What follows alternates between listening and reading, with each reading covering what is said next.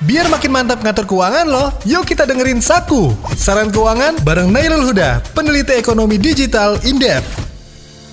Kalau robot trading sendiri itu artinya ya secara sederhana sistem perdagangan saham yang dia uh, memakai otomatisasi sebenarnya dalam hal jual ataupun belinya. Kita mau beli mau jual gitu kan. Itu robot ini yang istilahnya yang melakukan gitu kan. Nah, dia ada memakai sistem algoritma, kemudian juga ada yang banyak menggunakan machine learning, terus kemudian artificial intelligence. Itu semuanya tuh biasanya digunakan di robot trading gitu. Nah, sebenarnya kalau di dunia fintech sendiri itu yang terkenal tuh sebenarnya bukan robot tradingnya, tapi robot advisor gitu. Karena robot advisor ini kayak semacam ya aktivitas jual beli tetap kita yang menentukan kan, manusia yang menentukan, tapi si advisornya ini dia menyampaikan kamu harus jual, kamu harus beli gitu. Nah, di Indonesia robot trading itu lebih cenderung ke kita mau jual atau mau beli itu terserah robotnya gitu. Jadi sebenarnya